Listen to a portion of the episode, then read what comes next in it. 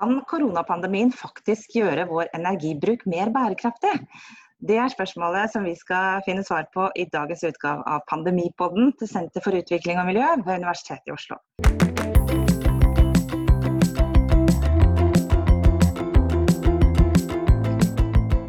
Mitt navn er Benedicte Bull, jeg er professor ved senteret, og i Pandemipodden så ringer jeg mine kolleger på hvert sitt hjemmekontor om eh, årsaker til og mulige konsekvenser av koronapandemien.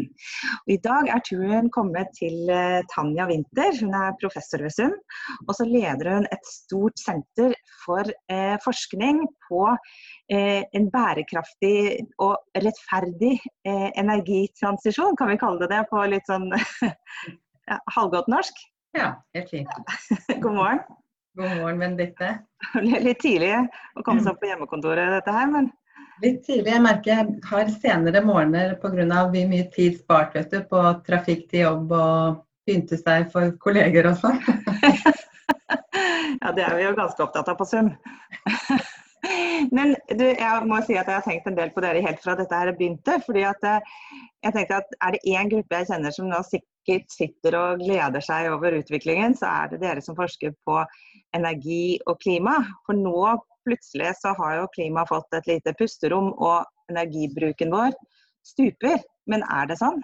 Er det, har dere bare sittet og gledet dere? Nei, Man kan jo ikke si at vi har gledet oss til dette, men det er jo det tilfellet at eh, klimautslippene går ned. altså Både klima og lokal forurensning går ned. Vi har sett det nå i, i, der hvor det har vært målt nå i, Kina og i Italia. Og vi ser også at naturen liksom tar kommer tilbake til sentrum, at det gror på nye steder. Når vi ser bilder fra byer og sånt, og man hører fuglekvitter i byen. altså på en måte man bare ser akkurat isolert på den umiddelbare natureffekten, positive effekten på natur, så kan man jo glede seg veldig litt da. Eh, det er faktisk bra sånn sett, men, men, klimaforskerne selv tror jo ikke at det nødvendigvis blir langvarig. Sånn man så etter finanskrisen at uh, etter hvert når hjulene kom i gang igjen, så steg jo disse samme eh, problemene til det normale. på en måte, sånn at Det er ikke gitt at dette her skal verken vare, og så har det selvfølgelig veldig sosiale kostnader som vi ikke kan heie på i det hele tatt. Men for oss er det jo det viktige nå er at vi ser ikke bare på rent på miljø, men at vi også tar i betraktning særlig når vi kommer til det med tiltak her. altså Hvordan, hvordan kan vi få til både omstilling som og tiltak som eh, virker mot koronaproblemene, men som også er sosialt rettferdige. Så man, man må alltid den, henge den på, ellers så eh, kan vi få helt, helt, feil utslag. Og selv om da miljøsaken har vært på agendaen lenge, så har liksom løsningene ventet på seg. Så det vi har etablert oss for, er å egentlig tenke disse tankene samtidig. Hvordan både uh, å få til en omstilling som er miljømessig god, og samtidig ivareta sårbare grupper, få det rettferdig, ikke øke forskjellene i samfunnet.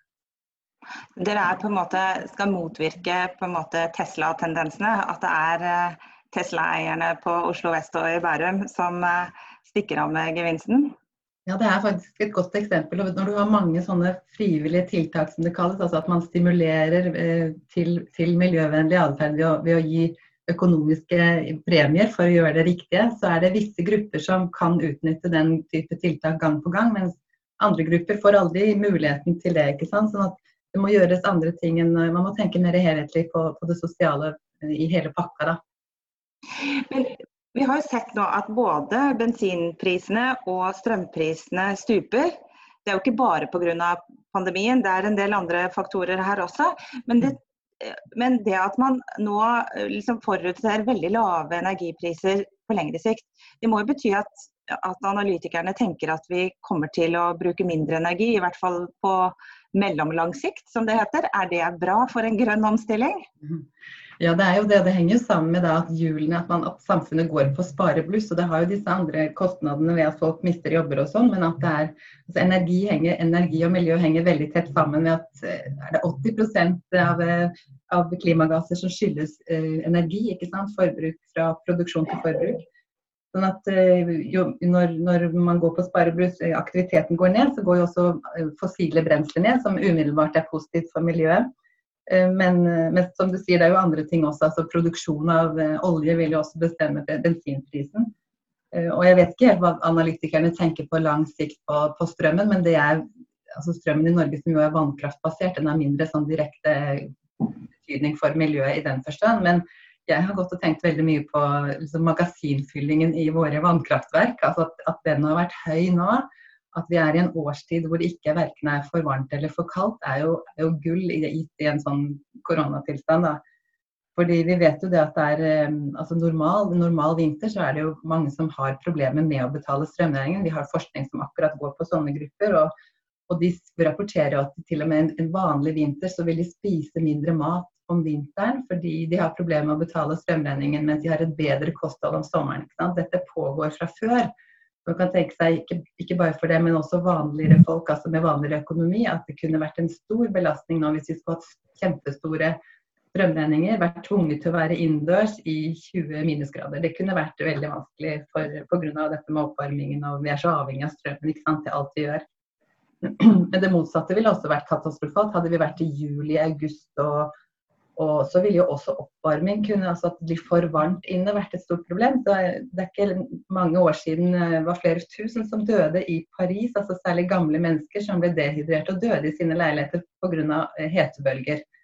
Så tenk deg da korona oppe i en sånn situasjon, det ville vært forferdelig. Så det at vi hadde nå i hvert fall i vår, vår del av verden eh, vårlige temperaturer, har vært i hvert fall en, eh, et plaster på såret, eller i hvert fall unngått at det kunne vært enda verre. Så det, det tenker jeg mye på.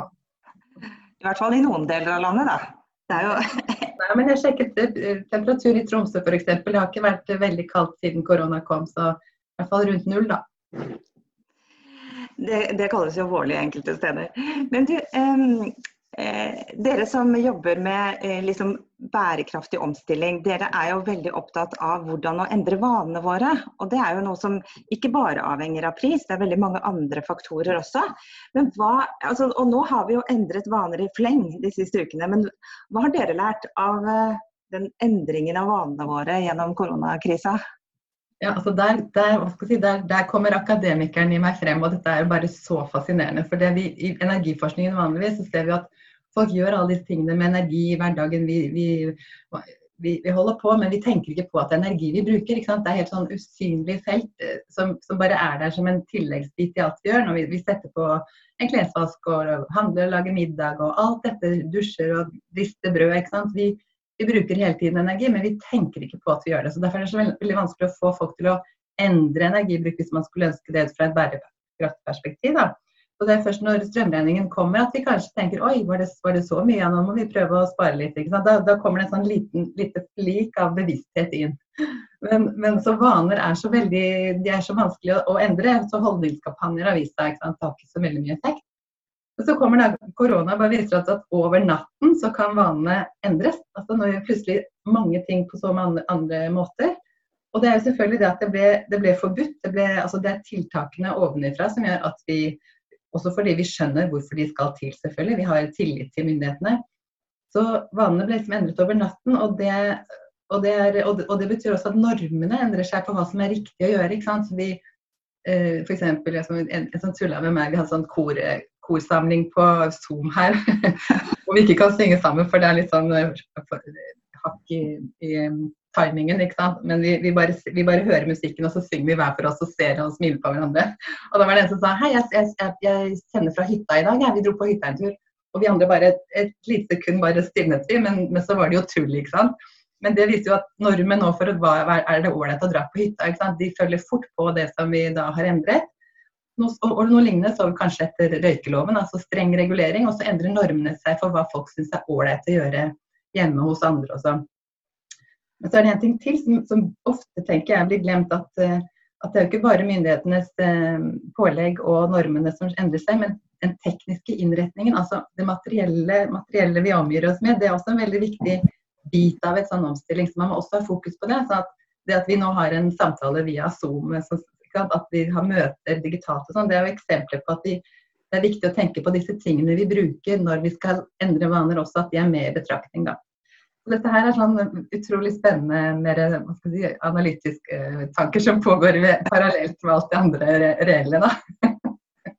Og så er det kanskje først når vi blir tvunget til å endre det, at vi faktisk ser at det er, er ganske mange positive ting med det også. Jeg syns jo det er veldig positivt at jeg slipper å reise mye. Jeg, ikke, jeg, skal ikke gå inn på mitt eget klimaregnskap, for det er ikke til å publisere. Men, og, og, dere som driver med klimaforskning, syns kanskje det er litt deilig å slippe å ta toget til Nord-Finland og sånn som dere har holdt på med? vi har så strenge regler, inkludert at vi, vi, vi, kan ikke engang ta fly til England lenger. Vi må ta toget dit. Så, så det kan være deilig å slippe en disputas der i juni, ja. Men um, jeg tenker, altså, eh, Dette handler jo ikke bare om individet, det handler jo også om samfunnet. og Hele det grønne skiftet og klimakrisen er jo kommet litt i bakgrunnen nå de siste ukene.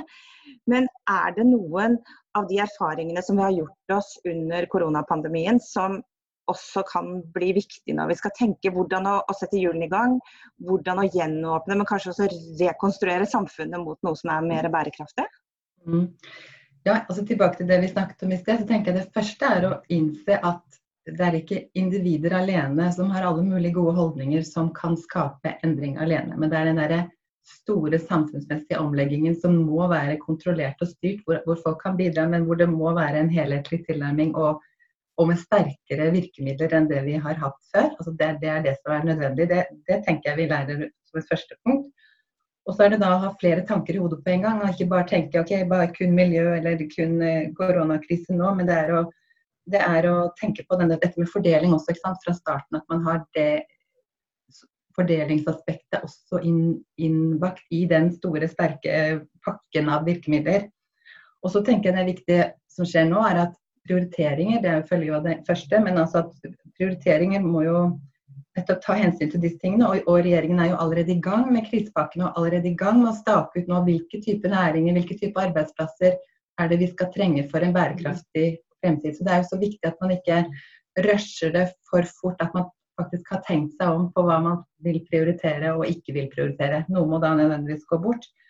Og så tror jeg det siste er at det, at det er mange gode grunner for å tenke kortreist. Altså hva skal til for at de kan bo, jobbe og forbruke mer kortreist. Og det er ikke bare da smittevernutstyret jeg tenker på, også, men hvordan, hvordan, lokalsamfunn kan bli robuste og rettferdige og miljøvennlige og attraktive å bo i. For det, eh, det, og det er knyttet til siste tingen jeg tenkte på her i denne forbindelse, var altså det med demokratiet som jeg tenker er virkelig under press nå. Og at det er nettopp der gjennom det lokale, altså hvis man virkelig føler en god tilhørighet eh, til et lokalmiljø, føler seg som en del av en gruppe, og at man der i beslutningstakningen får med også folk i hvilke løsninger er det vi trenger, så, så har det til syvende og sist med demokrati å gjøre også. Så jeg tror at derfor at um, sterke lokalsamfunn det er, det er liksom nøkkelen til mange, mange, av mange gode grunner. Uh, og det må også sentrale politikere ta, ta inn over seg. Hadde en liten tale. Ja, jeg, jeg, håper de hører på den. Og, og det kanskje, blir kanskje litt lettere, for nå har vi jo vært veldig mye i vårt eget lokalsamfunn, de fleste av oss, de siste ukene.